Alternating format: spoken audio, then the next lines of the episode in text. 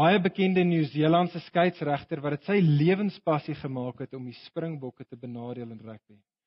En so selfs as Bryce Lawrence nou tot verskriklike inkeer sou kom en op die middellyn van loftes met 'n Springbok trui aan die stem in Afrikaans sou sing, sou hy nog steeds nie aanvaar word deur die Suid-Afrikaanse rugby publiek nie. Dalk vir die dames onder ons wat hom so klein bietjie uh, in die in die jare voor dit die die koninklike familie in Engeland ge, gevolg het. Uh, ek het vir 6 jaar in Engeland gebly en een persoon wat glad net nie ooit sal aanvaar word en versoen wees met die mense van Engeland daar nie is Camilla Parker Bowles. Ek sê dit hom uh, al begin lol met Prins Charles toe Diana nog daarso was en nadat Diana um, gesterf het in daai aaklige karongeluk tot en met vandag toe is almal wat Brits is in Engeland is kan nie vir Camilla Parker Parker Bowles aanvaar nie. Sy probeer, sy probeer oulik wees, sy probeer oulike goedjies sê en niemand hou van haar nie. Daai verhouding tussen haar en die Britse publiek is onherstelbaar. Maar vriende, ons is almal net baie bewus van hierdie selfe realiteit in ernstige verhoudings, nie sulke oppervlakkige goed in die lewe nie, maar in ernstige verhoudings. Ek is seker dit mag selfs hier wees vanoggend soos ons hier so sit. Ons almal ken sulke mense, dalk selfs familie van ons. Ons ons is almal bewus van huwelike waar daar 'n totaal en alle doodloopstraat gekom het tussen 'n man en 'n vrou. 'n paartjie wat op 'n stadium baie lief was vir mekaar is, die mooiste van beloftes aan mekaar gesê het, maar nou is op hulle punt op 'n punt waar een of beide van daai paartjies sê daar is geen manier wat ons hierdie huwelik kan verder doen nie. Ons kan nie meer saam wees nie. Hierdie is onherstelbaar. En is natuurlik nie net waar van huwelike nie. Ons ken sulke hartseer stories nie met ouers en hulle kinders of van broers en susters of van mense wat vriende was en nou kan hulle mekaar nie meer verdra nie of van werkskollegas. Ons is almal vertroud met hierdie realiteit van sekere verhoudings wat net totaal en al onherstelbaar op 'n menslike vlak is. En natuurlik vriende, net soos wat dit op 'n menslike vlak is, ken ons weet ons ook dat hierdie selfde verskynsel vind ons op 'n geestelike vlak, nê. Nee. Ons almal wat hierso sit, ken iemand. As jy nou so sit en net vir 'n oomblik so dink, ken elkeen van ons wat vandag hierso sit iemand wat as jy eerlik met jouself moet wees en sê jy ek kan glad net nie sien hoe hierdie persoon en God ooit uitgesorteer met mekaar kan wees nie. Daar's net te veel slegte energie tussen God en hulle. Daar's nie 'n manier menslik gesproke ten minste dat hierdie persoon en God ooit in 'n versoende verhouding met mekaar kan wees nie. God is net te veel onder hierdie mense se oordeel. Hulle is net te kwaad vir God oor iets wat dalk in 'n lewe gebeur het, een of 'n droom wat nie gerealiseer het nie, iemand wat hulle afgestaan het aan die dood. Hulle is net te skepties oor God, te sinies oor Christendom, net te slim vir die Bybel, net met sit net met harte wat net te hard is. Ons almal ken sulke mense. Maar dan ken ons ook sekere mense wat ons ten minste dink staan so tans onder die oordeel van God dat ons glad nie kan dink dat hulle ooit dat God hulle ooit sal wil hê en in 'n verhouding met hulle moet wees nie. Mense wat dalk so droog gemaak het, so ehm um, skandalig opgetree het, ander mense so seer gemaak het, so vasgevang is in verkeerde patrone en verslawings en slegte gewoontes dat ons net sit en dink, ek kan nie indink dat hierdie persoon ooit met God versoen kan wees nie. Dalk sit jy vandag en dis jy. Dalk as jy ek ek, ek, ek ken julle glad nie, so ek weet nie wie's nuwelinge hier nie. Dalk sit jy vandag En jy is juist daai persoon. Jy dink net daar het net te veel water onder hierdie brug geloop. Daar's nie 'n manier dat ek en God ooit in 'n versoende verhouding met mekaar kan wees nie. En ek noem dit vriende, want dit is waaroor Jona 3 gaan wat ons vandag na gaan kyk. Julle sien Jona, vriende, die boek Jona is juis 'n boek wat daaroor gaan oor hoe God so 'n verhouding nagejaag het. Hoe God met die wildste van willes, die grootste skerminkels, het God 'n verhouding nagejaag. God het met die mense van Ninive 'n verhouding nagejaag. En op die oog af, op 'n menslike gesproke, is dit totaal en al 'n hopelose ding om te doen.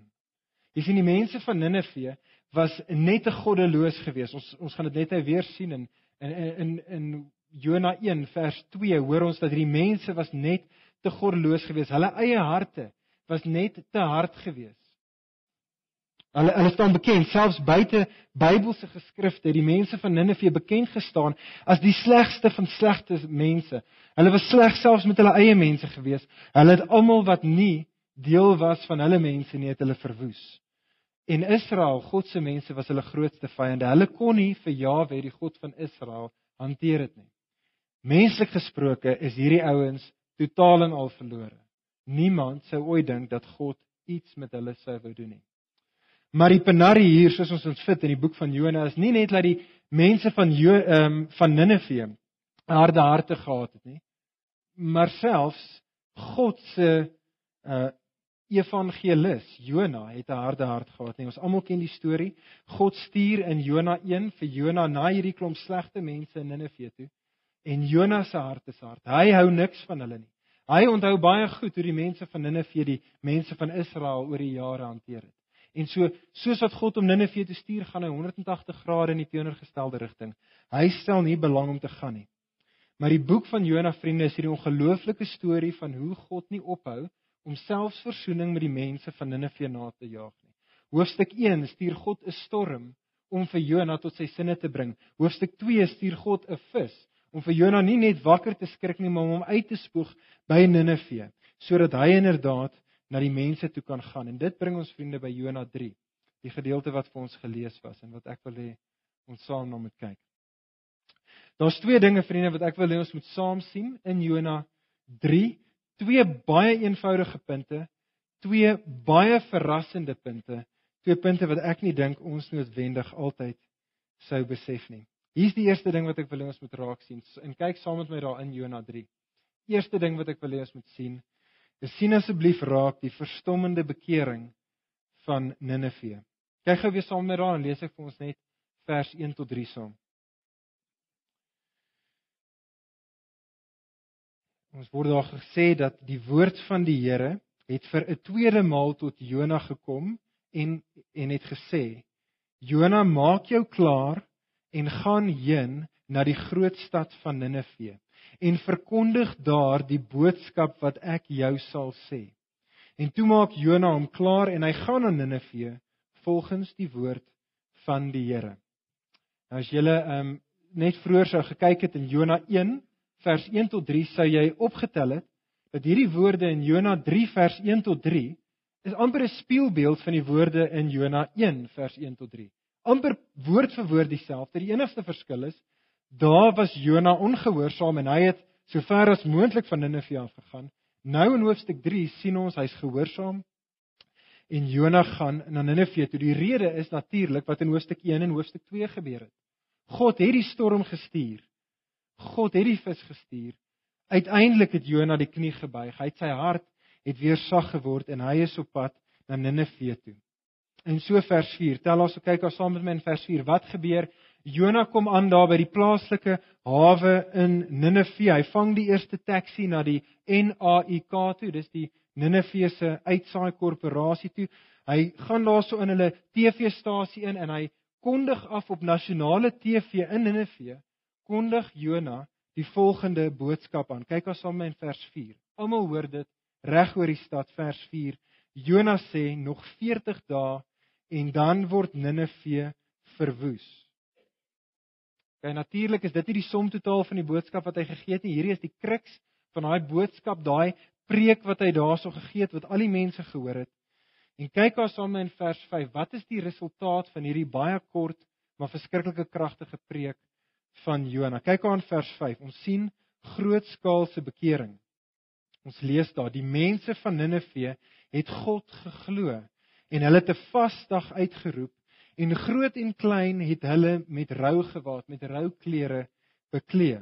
Okay, so almal, almal in die stad, groot en klein het tot inkeer gekom. Die boemelaars, die petroljoggies, die besigheidsmense, die celebrities, die kabinet vers selfs die koning het tot inkeer gekom toe hy hierdie boodskap van oordeel gehoor het. En julle sien dit is die doel daar in julle teksgedeelte van vers 6 tot vers 10. Vers 6 tot 10 is nie 'n ander insident nie. Vers 6 tot 10 is as dit ware 'n uiteenvlegging van vers 5 af. OK? Vers 6 tot 10 is as dit ware daar om vir ons te vertel hoe dit inderdaad gebeur het dat almal in die stad in vers 5 op die boodskap van Jona tot inkeer gekom het. En julle sien toe Jona hierdie boodskap verkondig het van God wat in 40 dae kom om vir Ninive te oordeel, toe het die koning self daai aand voor sy TV gesit. En toe hy daai boodskap van oordeel gehoor het, kyk daarson vers 6 het hy van sy troon af geklim. Hy het sy koninklike kleed afgetrek. Hy het vir hom rouklere aangetrek en hy het op 'n ashoop gaan sit. En die en die koning het dit nie alleen gedoen nie. Kyk aan vers 7 tot 8 wat die koning gedoen het. Die koning het toe vir die res van die mense gesê, vir almal, selfs vir die arme diere, het die koning gesê: "Gaan en kom doen dieselfde. Trek rouklere aan.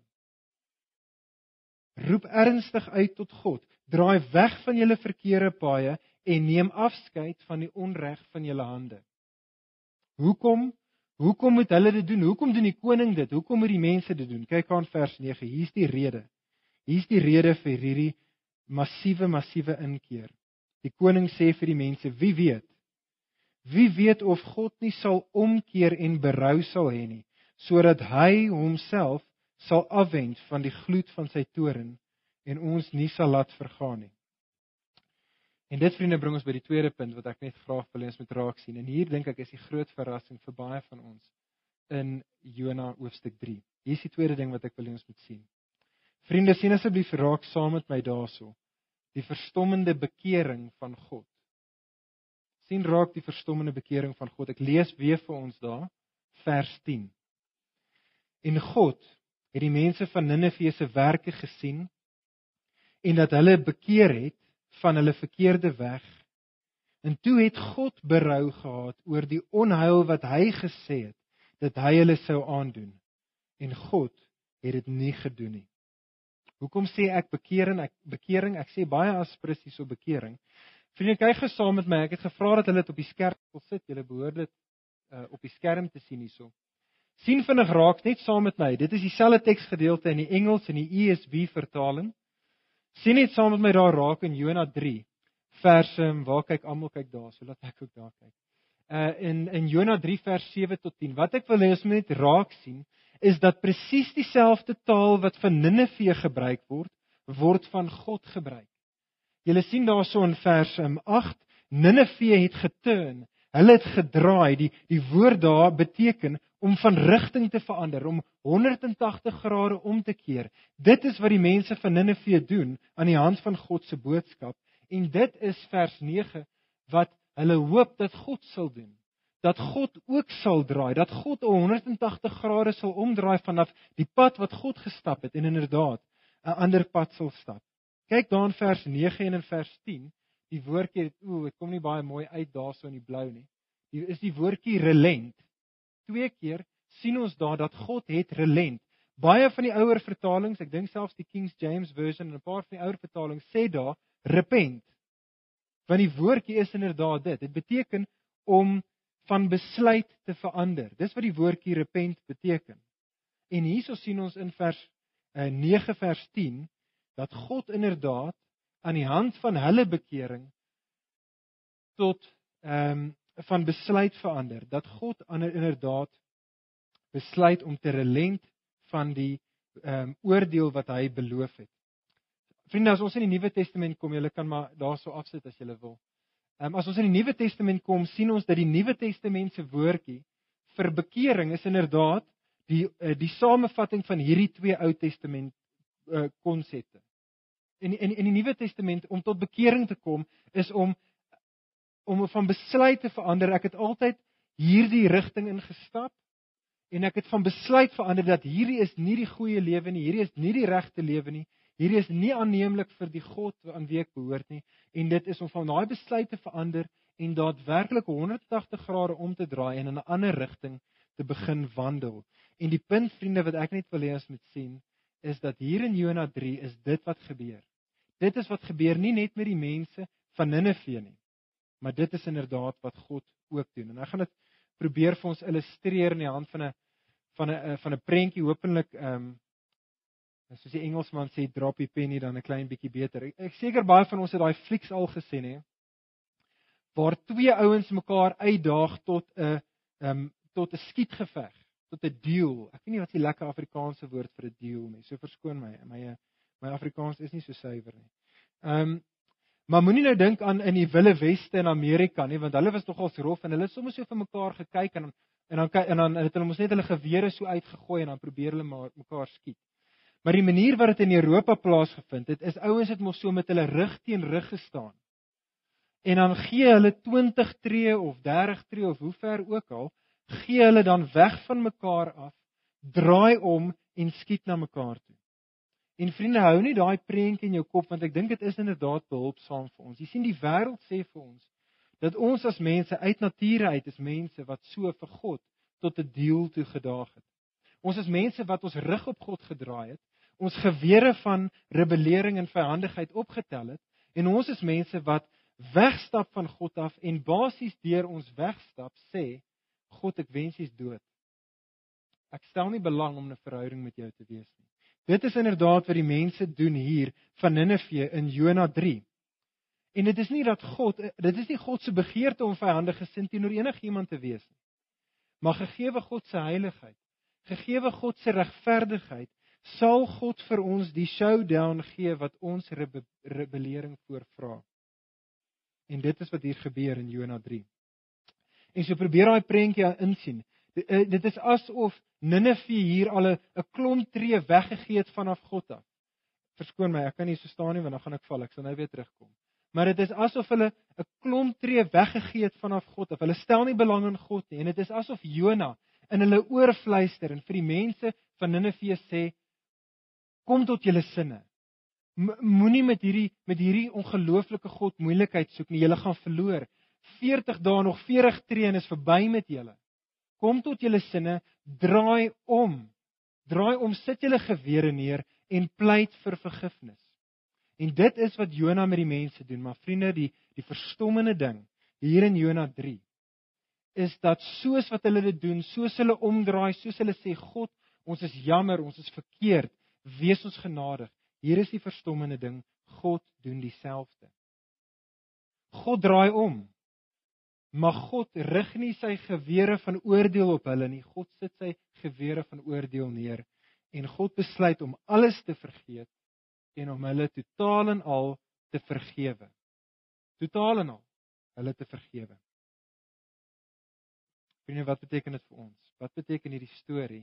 Hierdie eh, skokkende storie van van Jona 3 vir ons soos wat ons hier vandag sit. Vriende, vyf dinge baie vinnig wat ek wil hê uh, ons net dit 'n klein bietjie nader in onsself uh, huis toe moet bring. Eerste ding is dit vriende, ons almal wat hierso sit, ons almal woon in Ninive en uit die staanspoor uit is ons almal Ninivite. Jy sien Ninive in die Bybel vriende is 'n prentjie van 'n wêreld wat nie onder die heerskappy van God staan nie. In in Jona 1 vers 2 sien ons dat die mense van Ninive word beskryf as goddeloos. Okay, nou goddeloos en ons 'n uh, manier hoe ons van dit dink, dan dink ons aan mense wat baie rook en vloek en drink en beklei. Hulle is goddeloos. Die woordjie goddeloos beteken bloot om los van God te wees, om jou lewe in te rig asof God net nie daar is nie. God is net nie in jou verwysingsraamwerk nie, vriende. En is dit nie waar van ons nie? Is dit nie waar van hierdie wêreld waarin ons woon nie? Ninive is bloot 'n gevalle studie van die wêreld na Genesis 3. 'n Wêreld wat in rebellering is teen hulle Skepper. Kyk gou vinnig na hierdie baie bekende woorde. Ek het dit weer in die Engels en die ESV vertaling vir ons op. Kyk na hierdie baie bekende woorde. Ek is seker julle ken dit goed in Efesiërs 2 vers 1 tot 3. Paulus praat hier met die Christene, maar hy herinner Christene aan wie hulle was. Wie hulle was voordat hulle Christene geword het deur geloof in Jesus. Paulus sê, "And you were dead in the trespasses and sins in which you once walked." Following the course of this world, following the prince of the power of the air, the spirit that is now at work in the sons of disobedience, among whom all of you also once lived in the passions of your flesh, carrying out the desires of the body and the mind, and were by nature children of wrath, oordeel, like the rest of mankind. Sien vriende, Dink aan daai baie oulike tannie wat aan die onderkant van die straat bly wat jy dalk ken wat vir al die kinders in die straat um, koeksusters bak en truitjies brei wat na Bless Bridges luister en baie oulik is. Sy mag dalk selfs kerk toe gaan op 'n redelike gereelde basis. Die diagnose van die Bybel is as sy nie daadwerklik tot geloof in Jesus gekom het en weggedraai het van selfs 'n morele lewe, maar wat los van God af is nie en agter koning Jesus vertrouend aanloop nie, dan is sy onder die oordeel van God. Efesiërs 2 sê sy behoort aan die duiwel. Vriende, daar's net twee kategorieë in hierdie wêreld. Daar is nie kategorieë soos goed en 'n kategorie soos sleg nie. Daar's nie 'n kategorie soos godsdienstig of soos nie godsdienstig nie. Daar's net twee kategorieë: die wat vir God ken, sy kinders en die wat sy vyande is. Daar's net daai twee kategorieë en almal van ons wat vandag hier so sit is in een van daai twee kategorieë. Dit bring ons vriende by die tweede punt wat ek net ons moet ehm um, vir onsself net raak sien uit Jona 3 uit. Vriende, God het ook aan ons net soos aan Ninive 'n oordeelsdag beloof. Jy sien net soos wat God in vers 4 deur Jona gesê het 40 dae en dan word Ninive verwoes, so het God ook vir ons net. Dit is al voor ons in daai boeke wat op ons op ons ehm um, wat ons in ons hande het, het God vir ons ook ander profete gegee. Hy het die profeet van alle profete, sy eie seun, die Here Jesus gegee om vir ons te waarsku van 'n oordeelsdag wat kom. 'n dag wanneer elke knie gaan moet buig en elke tong gaan moet erken dat Jesus is die koning. 'n dag wanneer elkeen van ons gaan moet rekenskap gee vir die manier wat ons ons Skepper hanteer het en sy skepping hanteer het. En hier is die skerry ding. Jesus maak dit baie duidelik in die Nuwe Testament vir ons wat inderdaad nou van Jesus gehoor het sal daai oordeel wanneer Jesus kom, as ons dit sou verwerp het, sou daai oordeel vir ons groter wees as selfs die oordeel wat mense soos die Ninivite eintlik verdien het. Kyk vinnig saam met my, wat sê Jesus? Hierdie is Jesus se eie woorde en hy praat hier aan die hand van Jona. Eintlik van Jona 4 meer. Maar hoor wat sê Jesus hier. Jesus sê in Matteus 12 vers 39: Die mense van Ninive sal op die oordeelsdag saam met die mense van vandag opstaan en teen hulle getuig. Hulle het immers op die prediking van Jona bekeer. En hier nou voor julle staan een wat groter is as Jona. sien julle die logika van wat Jesus daarso sê? Hy sê die openbaring van God in my, die een wat groter is Jonas, is groter as enige ander openbaring van God en enige ander profeet voor dit. En as julle die rebelleer, as julle die die openbaring van die ander profete ehm um, geïgnoreer het. Hoeveel te meer sal die oordeel dan nie wees as julle die een groter as Jona sou verwerp nie. So wat staan ons te doen vriende? Want dit bring my by die derde punt en dit is vriende dat ons het nodig om 'n les hierso te leer by die goddelose maar op die einde die baie slim mense van Ninive. Ons het nodig om soos hulle te reageer. Jy sien vriende, ons het nodig elkeen van ons wat hierso vandag sit, het nodig om soos die mense van Ninive in vers 5 God se belofte van oordeel te glo. Elkeen van ons wat hierso sit, het nodig, soos wat ons vanoggend weer hoor, daar is 'n oordeelsdag wat kom. Godsdiens of moraliteit of my ouers wat baie godsdienstig was of die feit dat ek al die versies ken of al die liedjies ken of die feit dat ek nog nie iemand doodgemaak het nie en ek betaal my belasting, niks van daai goeders gaan my kry om die oordeel vry te kan spring nie. Niks van daai goed in en van myself. Ek het nodig om tot inkeer te kom. En so elkeen van ons het nodig om daai woord van oordeel te hoor, te besef dat ons staan skuldig voor hierdie heilige, perfekte God en en dat ons dit nie op ons eie kan vryspring nie. Verder vriende, het elkeen van ons wat hierso sit nodig om soos die mense van Ninive inderdaad rou klere aan te trek. Vers 5, vers 6. Ons het nodig om tot ware berou te kom. Wat sê Jesus, daai pragtige woorde in die begin van die bergrede in Matteus 5. Jesus sê, dit is wat 'n Christen is. Geseend is hulle wat arm van gees is. Geseend is hulle wat treur. Dit is wat dit beteken om 'n Christen te wees. 'n Christen is iemand wat besef hoe hy geestelik bankrot voor sy Skepper staan. Vriende, kan ek jou vra as jy vandag hier sit, was jy al op daai plek? Was jy al op daai plek in jou lewe waar jy in die diepste kamers van jou hart kaal voor God voel? Was jy op daai plek gewees waar jy besef soos wat Jesaja 64 sê dat selfs jou beste dade soos vuil doeke in God se aangesig? Was jy al op daai plek waar jy besef hoe jy bankrot voor God staan? Vriende, dis 'n goeie plek om te wees. Dis 'n goeie dit is die begin van Christendom. Dit is dit is wat dit beteken om 'n Christen te word, is om op daai plek te kom. En vriende, net soos die mense van Ninive, het elkeen van ons nodig vers 8 om weg te draai dan van ons goddeloosheid. Weereens, nie net goddeloosheid en al die stout goedjies wat jy dalk mee besig is nie, ja, dit ook. Dit ook. Maar om op te hou te lewe in hierdie wêreld asof God net glad nie daar is nie. Om jou lewe in te rig op 'n manier waar jy net God feature net glad nie in jou daaglikse rotine en jou maand maandelikse en jou jaarlikse rotine nie. Ja, jy jy jy sê vinnige gebedjie net voor jy jou kos eet en en en, en jy gooi hier en daar 'n woordjie en al daai goed. Maar die manier wat jy jou geld hanteer, die manier wat jy jou bure hanteer, die manier wat jy die minder bevoorregtes in jou stad hanteer, die manier wat jy van Jesus praat of nie van hom praat nie, wys vir almal dat Jesus is inderdaad nie die koning van jou lewe nie. En so vriende, elkeen van ons het nodig om soos die mense van Ninive weg te draai van daai tipe van lewe. Te sê ek gaan van besluit verander om vir self te lewe waar ek koning is van my eie, eie klein koninkrykie en ek gaan met Jesus as my koning 24 uur van elke dag um, in elke kamer van my lewe leef. En vriende, ons het ook nodig soos die mense van Ninive daar in vers het ons nodig om dan ernstig tot God uit te roep. Dis en ons het almal nodig waar plek te kom wanneer ons besef hoe bankrot ons is. Wanneer ons begin ons eie goddeloosheid haat, het ons nodig om na God toe uit te roep en te sê God, wees my genadig. Ek smeek U om inderdaad my genadig te wees.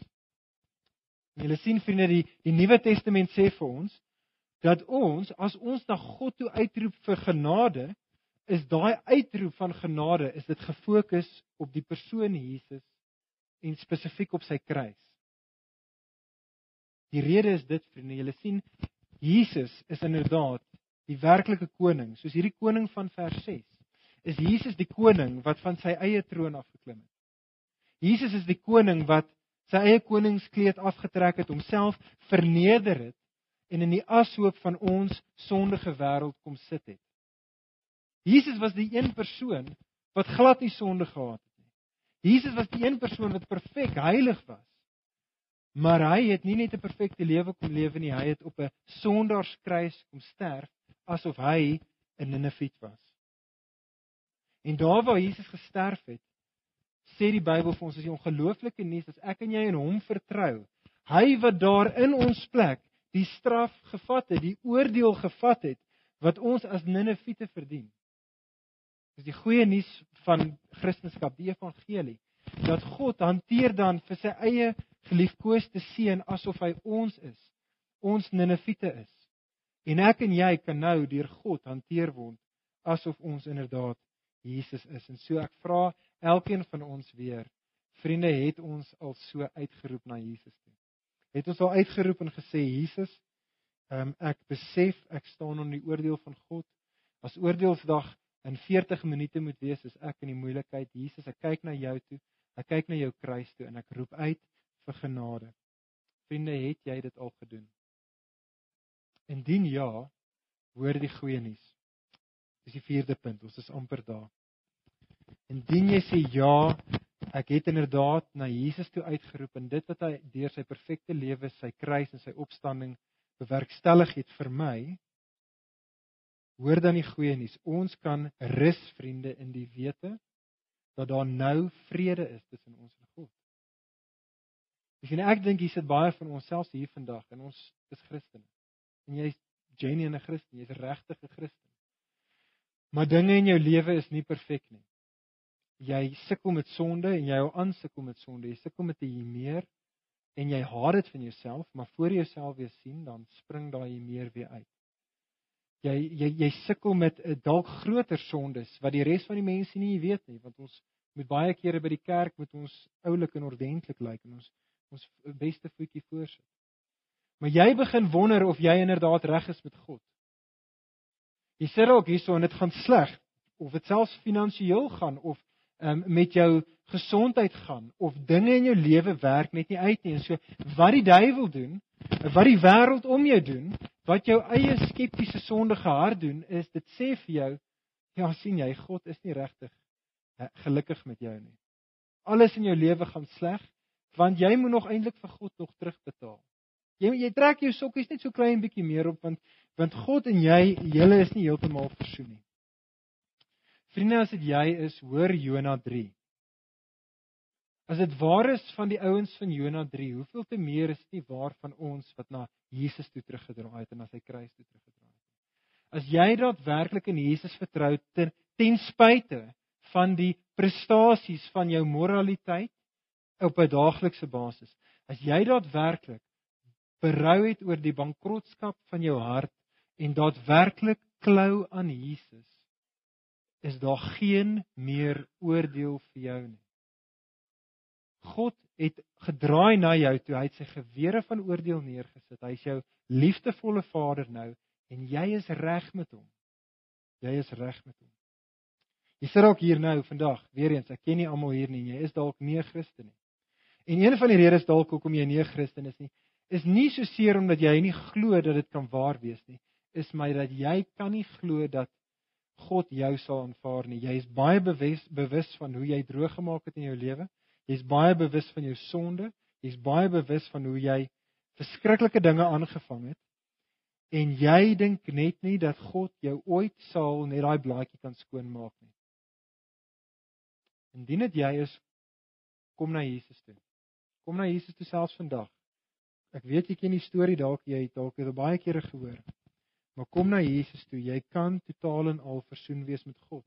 Elkeen van ons vriende kan op daai plek wees waar daar nie meer 'n druppel van God se woede oor my en jou is om uitgestort te kan wees nie. Daar waar ons totale vrede kan hê, waar ons nou totaal en al gelukkig en versoen met God kan wees. En ek sluit hiermee af. Dit is my laaste punt en ek sluit hiermee af, vriende. Kom ons gaan dan gegeewe Jona 3 en kom ons volg Jona se voorbeeld en gaan na die Ninefees van ons wêreld. Jy sien ons sit met die ongelooflike ongelooflike wete dat God dat niemand is in te erge situasie dat hulle nie versoen kan wees met God nie. Ons sit met die ongelooflike wese dat as God selfs die goddelose Ninefiete tot inkeer kan bring deur sy gees en hulle dan totaal en al kan vergewe vergewe kan hy dit doen met elke liewe familielid van ons nou wat hard is elke werkskollega van ons elke persoon in Pretoria elke persoon in die wêreld. Kom ons gaan na die Ninefees van ons wêrelde toe met die totaal en alle moed en wete dat God kan verzoening met hulle najaag Dis die goeie nuus vriende. Ons hoef nie op die agtervoet ons kristendom te verdedig nie. Ons kan op die voorvoet ons krikethoue slaan. Ons kan dit doen want God is in die besigheid van verzoening. Dis wat God doen. God is in die besigheid van verzoening. Hy het dit vir ons gedoen in Jesus en hy wil hê ons moet gaan na die Ninefees van ons wêreld sodat hulle ook versoen kan word met hom. Kom ons bid en vra dat hy inderdaad ons sal uitstuur na Ninefees. Hemelse Vader, ons kom na U toe net weer eens bewus van ons eie geestelike bankrotskap. Selfs as U kinders, Here, is ons bewus van hoe ons op 'n daaglikse basis U nie verheerlik soos wat U verdien word om verheerlik te word nie. En so Vader, ons kyk opnuut na Jesus, ons draai weg van hierdie lewens waar ons vir self lewe. Ons draai na Jesus as ons koning toe. Ons draai na sy kruis toe. Ons roep weer eens tot die genade wat hy vir ons gewen het aan die kruis. En Here, ons spreek vir ons eie harte dat ons is versoen met U, ons is reg met U. Daar's nou vrede tussen ons en U. Here, help ons om dit te onthou wanneer ons weer eens gaan droogmaak vandag en môre en die res van die week. Help ons om dit te hou, te onthou, maar om dan dit nie vir onsself te hou nie. En uit te gaan na die Ninefees toe, na ons vriende, ons families, ons stad 'n wêreld wat U nie ken nie. Help ons om na hulle toe te gaan met die boodskap van Jesus. In Sy naam bid ons dit. Amen.